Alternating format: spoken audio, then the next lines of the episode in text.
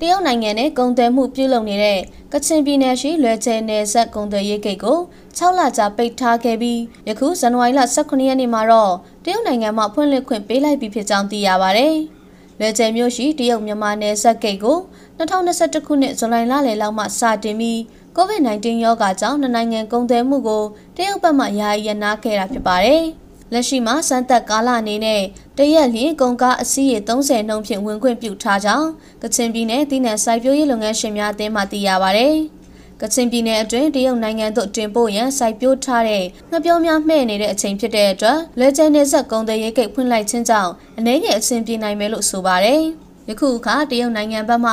ဓာတ်မြေဩဇာအထည်လိမ့်နဲ့အိမ်သုံးပစ္စည်းအမျိုးမျိုးတို့ကိုတင်သွင်းဆောင်ရွက်မည်ဖြစ်ကြောင်းသိရပါဗျ။ ကုန်စည်စည်းစိမ်ရာမှာနှစ်နိုင်ငံသဘောတူညီချက်အရ COVID-19 ရောဂါကာကွယ်မှုအနေနဲ့ရင်မောင်းနဲ့ရင်နောက်လိုက်များကုန်တင်ကုန်ချအလုပ်သမားများကို COVID-19 ရောဂါကာကွယ်ဆေးနှစ်ကြိမ်ထိုးပြီးသူများကိုသာဆောင်ရွက်ပေးလျက်ရှိကြောင်းသိရှိရပါတယ်။လက်ကျန်နယ်စပ်ဂိမ်းမှာဗမော်မြို့နယ်အတွင်းရှိတ िश ူးငပြောကြံဖရဲစားတဲ့တီးနှံတင်ပို့နိုင်ပြီဖြစ်ပြီးထို့အထဲမှာတ िश ူးငပြောကိုသာအဓိကတင်သွင်းသွားမှာဖြစ်ကြောင်းသိရပါတယ်။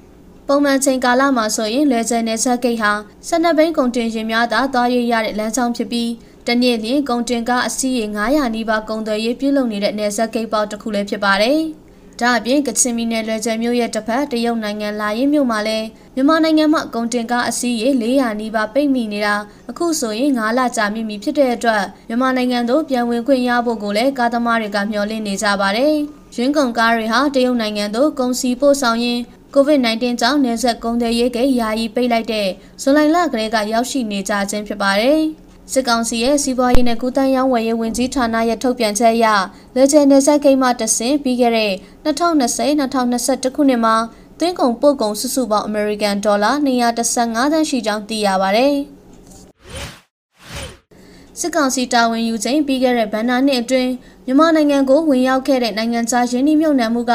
ရှစ်နှစ်အတွင်းအနေဆုံးအဆင့်ကိုကျဆင်းခဲ့ပြီးမျှော်မှန်းချက်ရဲ့60ရာခိုင်နှုန်းကျော်သာဝင်ရောက်ရင်းနှီးမြှုပ်နှံခဲ့ကြပါတယ်။2021ခုနှစ်အောက်တိုဘာလ1ရက်နေ့ကစတင်တဲ့မီနီဘတ်ဂျက်ကာလ3လကျော်အတွင်းနိုင်ငံခြားတိုက်ရိုက်ရင်းနှီးမြှုပ်နှံမှုပမာဏဖြင့်အမေရိကန်ဒေါ်လာ489.3တန်းရရှိထားတယ်လို့စစ်ကောင်စီရဲ့ရင်းနှီးမြှုပ်နှံမှုကော်မရှင် MIC ရဲ့အချက်လက်တွေမှာဖော်ပြထားပါတယ်။ ဒီပမာဏကဇန်နဝါရီလ14ရက်နေ့အထိခွင့်ပြုခဲ့တဲ့နိုင်ငံခြားရင်းနှီးမြှုပ်နှံမှုလုပ်ငန်း16ခုရဲ့ရင်းနှီးမြှုပ်နှံမှုပမာဏဖြစ်ပြီးအလောက်ကိုင်ခွင်လန်း1284ခုကိုဖန်တီးပေးထားတယ်လို့ဆိုပါတယ်။နောက်ဆုံးခွင့်ပြုထားတဲ့လုပ်ငန်းသစ်10ခုထဲမှာမွေးမြူရေးနဲ့ရေလုပ်ငန်းကဏ္ဍ ကုန်ထုတ်လုပ်မှုကဏ္ဍတပ်တုနဲ့ဝန်ဆောင်မှုကဏ္ဍတို့ကလုပ်ငန်းတွေဖြစ်ကြပြီးဆောင်ရွက်ဆဲလုပ်ငန်း၅ခုရဲ့ယင်းနှိမ့်မြုပ်နှံမှုတိုးမြင့်ခြင်းပါဝင်ယင်းနှိမ့်မြုပ်နှံမှုပမာဏအမေရိကန်ဒေါ်လာ241သသမခုန်9တန်းရှိတယ်လို့စီးရင်တွေမှာဖော်ပြထားပါတယ်။စီမံကိန်းအရေးအတွက်ကလည်း2019-2020ဘဏ္ဍာနှစ်နဲ့နှိုင်းယှဉ်ရင်၅ပုံတပုံခန့်သာရှိခဲ့ပြီးအတည်ပြုခဲ့တဲ့စီမံကိန်းလုပ်ငန်း48ခုထဲမှာလည်းဖေဖော်ဝါရီလမတိုင်ခင်ကခွင့်ပြုခဲ့တဲ့38ခုအထိပါဝင်ပတ်သက်ခဲ့ပါတယ်။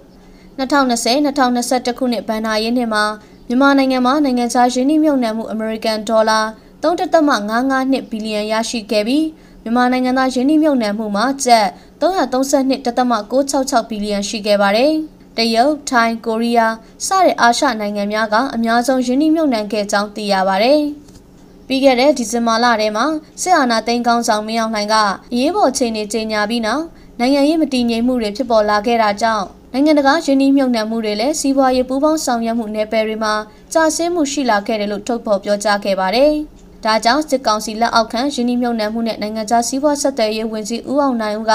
ဒီလိုနိုင်ငံခြားယင်းနှိမ့်မြုပ်နှံမှု FDI ကြာဆင်းလာချိန်မှာနိုင်ငံသားယင်းနှိမ့်မြုပ်နှံမှုများကိုအပိမြင့်တင်သွားမယ်လို့အစည်းအဝေးတစ်ခုတွင်ပြောကြားခဲ့တယ်လို့သိရပါဗျ။ တရုတ်ဘက်ကအဝယ်နေပြီးဈေးနှိမ်ဆုံးအခြေအနေကိုရောက်နေတာကြောင့်မူဆယ်နယ်ဆက်ဖရဲဈေးကွက်ပြတ်တကဲ့သို့ဖြစ်နေပြီးတတိတိုင်ကကုန်းသည်တွေအနေနဲ့ချင်းချိန်တင်ပို့ကြဖို့လိုနေတယ်လို့မူဆယ်ဈေးကွက်ကနေသိရပါဗျ။တရက်ကိုတရုတ်ကားအစီး20ဝန်းကျင်လောက်ပဲတင်ပို့ခွင့်ရနေတာကြောင့်ဖရဲရည်တွေတဖြည်းဖြည်းကျဆင်းလာနေတယ်လို့သိရပါဗျ။ကားစီးရေ400ခန့်ရှိပေမဲ့တနေ့ကိုကားစီးရေ20ပဲတင်ပို့ခွင့်ရတာကြောင့်တချို့ကားတွေဆိုရင်ယခုချိန်ထိတင်ပို့ခွင့်မရတာ၃ဘတ်ခန့်ကြာမြင့်နေပြီဖြစ်ကြောင်းသိရပါဗျ။က ဖရဲသီးကိုတရုတ်ဘက်မှလည်းဈေးနှိမ်ဝဲတဲ့အခြေအနေမျိုးတွေရှိနေပြီးအခုရက်ပိုင်းကနေလကုံပိုင်းထိတရုတ်တို့တင်ပို့မဲ့ကားရာကျော်ရှိနေတာကြောင့်ပြည်ရင်းကတင်ပို့သူတွေအနေနဲ့ချင်းချင်းတင်ပို့ကြဖို့ကိုလည်းနေဆက်ကုန်တွေတွေကအတိပေးထားပါတယ်။တကီလိုလျင်9ရွမ်နဲ့အောက်သို့ကျဆင်းသွားတဲ့တရုတ်တို့တင်ပို့နေတဲ့ဖရဲများမှာ3ရွမ်အောက်ထိကျဆင်းနိုင်တယ်လို့ကုန်သည်များကသုံးသပ်ခံမှန်းထားကြပါတယ်။ တရုတ်တို့တင်ပို့နေတဲ့မြမဖရဲဈေးကွက်ဟာရခိုင်ကတကီလိုလျင်9ရွမ်အထိပေါက်ဈေးရှိခဲ့ပေမဲ့ဇန်နဝါရီလ10ရက်နေ့မှာစတင်က9ရွမ်နဲ့အောက်သို့ကျဆင်းသွားခဲ့ခြင်းဖြစ်ပါတယ်။တရုတ်ရဲ့နေဆက်ကုန်းသွယ်ရေးစနစ်ပြောင်းလဲခြင်းကြောင့်ကြံ့ကြာမှုများဖြစ်ကမြမစိုက်ပျိုးတီးနှံဖရဲတခွားတင်ပို့သူတွေအနေနဲ့တနေ့လျင်ကားအစီးရေ30မှ50အထိပျက်စီးဆုံးရှုံးမှုဖြစ်ကဆွန့်ပစ်နေရတာဖြစ်ပါတယ်။ နှစ်စဉ်အောက်တိုဘာလမှစတင်ကဖရဲသခွားတင်ပို့လေးရှိပြီးရာသီပေါ်ချိန်ဆိုရင်မူဆယ်နယ်ဆက်သို့ဝင်ရောက်လာတဲ့ဖရဲကားရေအတွက်မှာတနေ့လျင်အစီးရေ90မှ150ထိရှိကြောင်းသိရပါတယ်။တရုတ်နဲ့နှစ်နိုင်ငံကုန်သွယ်ရေးလုပ်ငန်းများပြန်လည်ပတ်ရမှာကွန်တိန်နာစနစ်နဲ့ကုန်သွယ်မှုပုံစံပြောင်းလဲမှုကြောင့်ရက်ကြာရှည်စွာဆောင်ဆိုင်ရတဲ့အပြင်ကွန်တိန်နာတို့ပြောင်းလဲရမှာလဲအရေးသွေးမိတဲ့အသီးတွေကိုပြန်လည်တန့်ရတာကြောင့်အပယ်သီးများကိုစွန့်ပစ်နေရခြင်းလည်းဖြစ်ပါတယ်။ 2018-2019ဘဏ္ဍာနှစ်ကဖရဲတန်ချိန်8သိန်းတင်ပို့နိုင်ခဲ့က2019-2020ဘဏ္ဍာနှစ်မှာတော့ဖရဲတန်ချိန်6သိန်းတင်ပို့နိုင်ခဲ့ကြောင်းသိရပါဗျ။မြန်မာနိုင်ငံအနေနဲ့ပြည်ပနိုင်ငံများနဲ့ကုန်သွယ်မှုလုပ်ငန်းများကိုနယ်စပ်ကုန်သွယ်မှုလုပ်ငန်းပင်လယ်ရေကြောင်းကုန်သွယ်မှုလုပ်ငန်းတို့နဲ့ဆောင်ရွက်နေပြီးတရုတ်မြန်မာနှစ်နိုင်ငံကြားအဓိကကုန်သွယ်ရေးစခန်းတစ်ခုဖြစ်တဲ့မူဆယ်ကုန်သွယ်ရေးစခန်းဟာပမာဏအကြီးဆုံးဖြစ်ပြီး နေဆက်ကုန်သွယ်မှုလုပ်ငန်းစဉ်အားလုံးရဲ့60ရာခိုင်နှုန်းကျော်ကိုနှစ်စဉ်ပုံမှန်ဆောင်ရွက်ပေးနေကြောင်းသိရပါဗျ။ဈေးကွက်တွင်ငရုတ်သီးများစုပြုံဝင်ရောက်ခြင်းကိုအခြေအနေထိန်းချုပ်နိုင်ရန်အတွက်တချို့ဒေသတွေမှာငရုတ်သီးခုဆွခြင်းကိုရပ်ဆိုင်းထားကြောင်းသိရပါဗျ။ထိုင်းနိုင်ငံဘက်ကငရုတ်ခင်းတွေကလည်းအသီးပေါ်ချိန်ဖြစ်နေသလိုဗီယက်နမ်ဘက်မှငရုတ်တွေကလည်းတရုတ်နိုင်ငံသို့တင်ပို့လို့မရတာကြောင့်ထိုင်းနိုင်ငံဘက်သို့လဲသွင်းနေရတာဖြစ်တယ်လို့ကုန်သည်တွေကဆိုပါတယ်။ ဒါကြောင့်ငရုတ်သီးတွေကစုပြုံဝင်နေသလိုဖြစ်နေပြီးဈေးကွက်အနေအထားကိုထိန်းချုပ်နိုင်ဖို့အတွက်တချို့တောင်သူတွေကအသီးခုဆွတ်တာကိုရက်ပြီးဈေးကွက်ကောင်းကိုစောင့်ဆိုင်ဖို့ငရုတ်သီးတင်ဖို့ရောင်းချသူတွေကအသီးပေးထားပါတယ်။လက်ရှိမှာငရုတ်သီးဈေးကွက်အတွင်းငရုတ်သီးမဲ့ဆိုဝင်ရောက်မှုများပြားနေတဲ့အတွက်ဈေးနှုန်းဆက်လက်ကျဆင်းနေကြောင်းသိရပါတယ်။အရင်လကငရုတ်သီးမဲ့အဆိုတပိတ်တာကိုကျပ်9000ဝန်းကျင်ရှိရာကနေအခုဆိုရင်ငရုတ်သီးမဲ့အဆိုတပိတ်တာကို ကျပ်1000ကနေ1300ဈေးအထိကျဆင်းနေပါတယ်။ငရုတ်သီးရေသွေးကပြပသို့တင်ပို့နိုင်တဲ့အခြေအနေအထိကောင်းမွန်နေပြီးဈေးနှုန်းကျဆင်းနေတာလည်းဖြစ်ပါတယ်။မြန်မာနိုင်ငံမှာငရုတ်သီးကိုမြန်မာနိုင်ငံအလဲပိုင်းမကွေးတိုင်းဒေသကြီးနဲ့မန္တလေးတိုင်းဒေသကြီးတို့မှာရှိတဲ့ဒေသတွေနဲ့ AR တိုင်းဒေသကြီးတို့မှာအများဆုံးစိုက်ပျိုးထုတ်လုပ်နေပြီးအထက်ကပြပဈေးကွက်အနေနဲ့ထိုင်းနိုင်ငံနဲ့တရုတ်နိုင်ငံတို့တင်ပို့ရောင်းချကြတာဖြစ်ပါတယ်။ ရခိုင်ပြည်နယ်နယ်စပ်ကုန်သွယ်ရေးလမ်းကြောင်းတွေကနေဘင်္ဂလားဒေ့ရှ်နိုင်ငံကိုအ धिक တင်ပို့နေတဲ့ရေထွက်ကုန်နဲ့စက်သွန်ဒီပို့ကုန်အနည်းငယ်ကျဆင်းနေတယ်လို့ရခိုင်ပြည်နယ်ကုန်သည်နဲ့စက်မှုလုပ်ငန်းရှင်များအသင်းချုပ်ကသိရပါဗျ။ပို့ကုန်ကျနေတာဟာစက်သွန်ဒီပို့ကုန်ကိုအခွန်တိုးကောက်တာနဲ့ဓာတ်ရိုက်မသက်ဆိုင်ပေမဲ့လည်းအနည်းငယ်တက်ရောက်မှုတော့ရှိနေတာဖြစ်ပါတယ်။ ဘင်္ဂလားဒေ့ရှ်ဘက်မှာလည်းကျက်သွန်ဒီပေါ်တဲ့ရာသီချိန်ဖြစ်နေတာရဲ့အိန္ဒိယဘက်ကိုလည်းကုန်နေဝင်နေတာရဲ့ကြောင့်ဖြစ်တယ်လို့ရခိုင်ပြည်နယ်ကုန်သည်နဲ့စက်မှုလုပ်ငန်းရှင်များတင်ဆုံးမှသိရပါဗျ။ရခိုင်ပြည်နယ်ကုန်သွယ်ရေးစခန်းတွေဖြစ်တဲ့စစ်တွေနဲ့မောင်းတော်နယ်စပ်ဂိတ်တွေကနေဘင်္ဂလားဒေ့ရှ်နိုင်ငံကိုရေထွက်ကုန်နဲ့စက်သွန်အပါအဝင်မိဖို့ကြောင့်သုံးကုန်ပစ္စည်းတွေတင်ပို့ကြတာဖြစ်ပါတယ်။စစ်တွေနယ်စပ်ကုန်သွယ်ရေးက2019-2020ဘဏ္ဍာနှစ်မှာပို့ကုန်တန်ဖိုးအမေရိကန်ဒေါ်လာ432တန်းကျော်ရှိပြီး မောင်းနှောနယ်ဆက်ကုန်သွယ်ရေးစခန်းမှာအမေရိကန်ဒေါ်လာ17တန်းကျော်ကုန်သွယ်နိုင်ခဲ့တာဖြစ်ပါတယ်။2020-2021ခုနှစ်ဘဏ္ဍာနှစ်မှာတော့စစ်တွေနယ်ဆက်ကုန်သွယ်ရေးစခန်းကပို့ကုန်တန်ဖိုးမှာအမေရိကန်ဒေါ်လာ12တန်းကျော်ရှိပြီးမောင်းနှောနယ်ဆက်ကုန်သွယ်ရေးစခန်းမှာပို့ကုန်တန်ဖိုးအမေရိကန်ဒေါ်လာ4တန်းကျော်ပဲရှိခဲ့တယ်လို့စစ်ကောင်စီရဲ့စီးပွားရေးနဲ့ကုသရေးဝန်ရေးဝန်ကြီးဌာနရဲ့စီးရင်ချက်လက်တွေရသိရပါဗျ။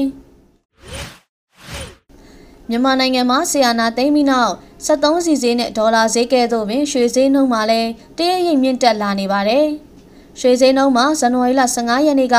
အခောက်ရွှေဈေးတစ်ကြက်သားလျင်ကျပ်18သိန်း6300ဖြစ်ခဲ့ပါတယ်။ရွှေဈေးနှုန်းမှာဇန်နဝါရီလ10ရက်နေ့ညနေပိုင်းပိတ်ဈေးအရ16ပဲရွှေရွှေတစ်ကြက်သားလျင်ကျပ်18သိန်း3900သာရှိခဲ့ပေမဲ့ဇန်နဝါရီလ17ရက်နေ့မှာတော့နနက်ဈေးဖွင့်ချိန်မှာ18သိန်း9000နီးပါးအထိရောက်ရှိခဲ့တာပါ။ တကြက်သားလျင်ကျပ်4000အထိမြင့်တက်လာခြင်းဖြစ်ပါတယ်။လက်ရှိရွှေဈေးမြင့်တက်လာခြင်းကြောင့်မှဒေါ်လာဈေးမြင့်တက်လာခြင်းကြောင့်ဖြစ်နိုင်ကြောင်းရန်ကုန်တိုင်းရွှေလုပ်ငန်းရှင်များအသင်းမှသုံးသပ်ထားပါတယ်။လက်ရှိကမ္ဘာရွှေဈေးမှာမြင့်တက်ခြင်းမရှိဘဲမြမရွှေဈေးသာမြင့်တက်နေခြင်းဖြစ်ကြောင်းဆိုပါတယ်။ရွှေဈေးမှာနိုင်ငံရေးပြောင်းလဲမဖြစ်မီကာလကအခောက်ရွှေတစ်ကြက်သားလျင်14သိန်း2000ရှိခဲ့ပြီးတနှစ်နီးပါးအကြာမှာတော့18သိန်းခွဲကျော်သို့ရောက်ရှိလာခဲ့ခြင်းဖြစ်ပါတယ်။ တနှစ်နီးပါးအကြာမှာကျပ်4သိန်းခွဲနီးပါးအထိမြင့်တက်လာခြင်းလည်းဖြစ်ပါတယ်။စက်တင်ဘာလပိုင်းကရွှေဈေးအမြင့်ဆုံးသို့ရောက်ရှိခဲ့တာဖြစ်ပြီးကျပ်သိန်း30ကျော်ဈေးနှုန်းအထိရောက်ရှိခဲ့တာလည်းဖြစ်ပါတယ်။လက်ရှိရွှေဈေးကွက်မှာအယောင်ပြန်မြင့်လာပြီးဈေးကွက်အတွင်းအယောင်ဝယ်ဖြစ်တဲ့ပမာဏမှာတရက်လျင်ရွှေပိတ်သားစိန်90ခန့်အယောင်ဝယ်ဖြစ်နေကြောင်းရန်ကုန်တိုင်းရွှေလုပ်ငန်းရှင်များအသင်းမှသိရပါဗျ။ ဂျပန်နိုင်ငံရဲ့ပြည်ရင်းမော်တော်ဆိုင်ကယ်များတင်ပို့ရောင်းချမှုမှာ2021ခုနှစ်မှာ၄နှစ်တာကာလအတွင်းရောင်းအားမြင့်ဆုံးဖြစ်ခဲ့တယ်လို့သိရပါဗျ။ COVID-19 ကပ်ရောဂါကြောင့်လူစုလူဝေးကိုရှောင်ရှားရန်အတွက်လူများကအခြားသောတည်ယူပို့ဆောင်ရေးနည်းလမ်းကိုအသုံးပြုလာတဲ့အတွက်ယခုလိုရလက်ထွက်ပေါ်လာခြင်းဖြစ်ပါတယ်။ပြီးခဲ့တဲ့နှစ်အတွင်းမော်တော်ဆိုင်ကယ်3,98,920ကိုတင်ပို့ရောင်းချနိုင်ခဲ့ပြီး2020ပြည့်နှစ်နဲ့နှိုင်းရှင်ပါက 15ရာခိုင်နှုန်းတိုးလာတယ်လို့ဂျပန်နိုင်ငံမော်တော်ယာဉ်လုပ်ငန်းရှင်များအသင်းကပြောပါရယ်။ COVID-19 ကြောင့်ကိုပိုင်ယာဉ်များလိုအပ်ချက်တိုးလာမည်ကိုစိုးရိမ်မှုများပြန့်နှံ့လျက်ရှိနေတာဖြစ်ပြီးတိုကျိုမြို့ရှိမော်တော်ဆိုင်ကယ်အယောင်းဆိုင်တဆိုင်ရဲ့ရောင်းချမှုမှာ10ရာခိုင်နှုန်းတိုးလာကြောင်းသိရပါဗျ။လူအများပြားမှအများပြည်သူသုံးသယ်ယူပို့ဆောင်ရေးယာဉ်များကိုအသုံးပြုမဲ့အစားမော်တော်ဆိုင်ကယ်များကိုအသုံးပြုလာတာဖြစ်တယ်လို့ဆိုကြပါဗျ။ လူများကမော်တော်ဆိုင်ကယ်ဝယ်စီးလိုကြပေမဲ့ဈေးကွက်မှာပစ္စည်းပြက်လက်မှုဖြစ်ပေါ်မည်ကိုစိုးရိမ်နေရတယ်လို့မော်တော်ဆိုင်ကယ်အယောင်းဆိုင်မှသိရပါဗျ။စက်ပစ္စည်းစိတ်ပိုင်းများပြတ်တောက်မှုဖြစ်နေတဲ့အတွက်ပြီးခဲ့တဲ့နှစ်လယ်ပိုင်းမှာစတင်ကဝယ်ယူသူများရဲ့လိုအပ်ချက်အတိုင်းမော်တော်ဆိုင်ကယ်များမထုတ်လုပ်နိုင်ကြောင်းတိုကျိုမြို့မှာရှိတဲ့ဂျပန်နိုင်ငံမော်တော်ယာဉ်လုပ်ငန်းရှင်များအသင်းကဆိုပါတယ်။ ကမ္ဘာစီးပွားရေးဟာ2022ခုနှစ်မှာ American Dollar 100 trillion ကျော်မယ်လို့လန်ဒန်အခြေစိုက် Center for Economics and Business Research CEBR ကခန့်မှန်းထားပါတယ်။ရခိုင်က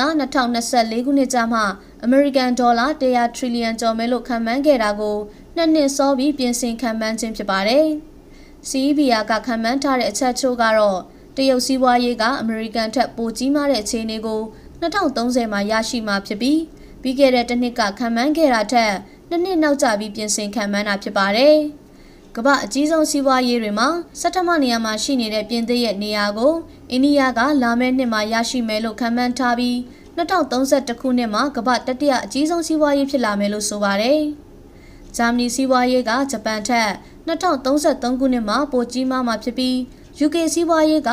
2036ခုနှစ်မှာပြင်သစ်ထက်16ရာခိုင်နှုန်းကြီးမားမယ်လို့ဆိုပါတယ်။ CEBR ကဆွေးနွေးတင်ပြထားတာမှာကမ္ဘာစီးပွားရေးကကရောဂါကြောင့်အထိနာထားရမှာပြန်နလန်ထပြီး GDP မြင့်တက်လာမှာဖြစ်ပြီးငွေဖောင်းပွားမှုဆက်ရှိနေရင်မူဝါဒရေးဆွဲသူတွေအတွက်စီးပွားရေးကျဆင်းတဲ့ဘက်ပြန်မရောက်အောင်ရှောင်လွှဲဖို့အခက်အခဲရှိလိမ့်မယ်လို့ဆိုပါတယ်။ငွေကြေးဖောင်းပွားမှုဟာနိုင်ငံတွေရဲ့စီးပွားရေးများဖို့ဖြည့်ရှင်းရမယ့်အရေးကြီးတဲ့ကိစ္စရပ်ဖြစ်လိမ့်မယ်လို့သုံးသပ်ထားပါတယ်။ ဝင်ငွေနှဲပါနဲ့အလယ်လက်နိုင်ငံဖြစ်တဲ့မြန်မာနိုင်ငံဟာတူးချင်းရဲ့ GDP ဟာ2021ခုနှစ်မှာ American Dollar 4426ဖြစ်ပါတယ်။ COVID-19 ကပ်ရောဂါမတိုင်ခင်ကတူးချင်းဝင်ငွေအတက်ဖက်မှာရှိနေခဲ့ပါတယ်။အစိုးရကျွေးမိပမာဏ GDP အချိုးအစားရာခိုင်နှုန်းက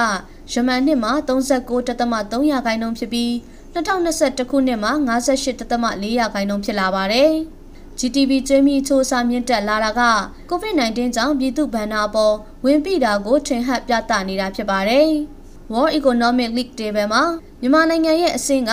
2036ခုနှစ်မှာ86ကနေ89သို့အဆင့်17ဆင့်ကျဆင်းသွားမယ်လို့ CEBR ကခန့်မှန်းထားပါတယ်။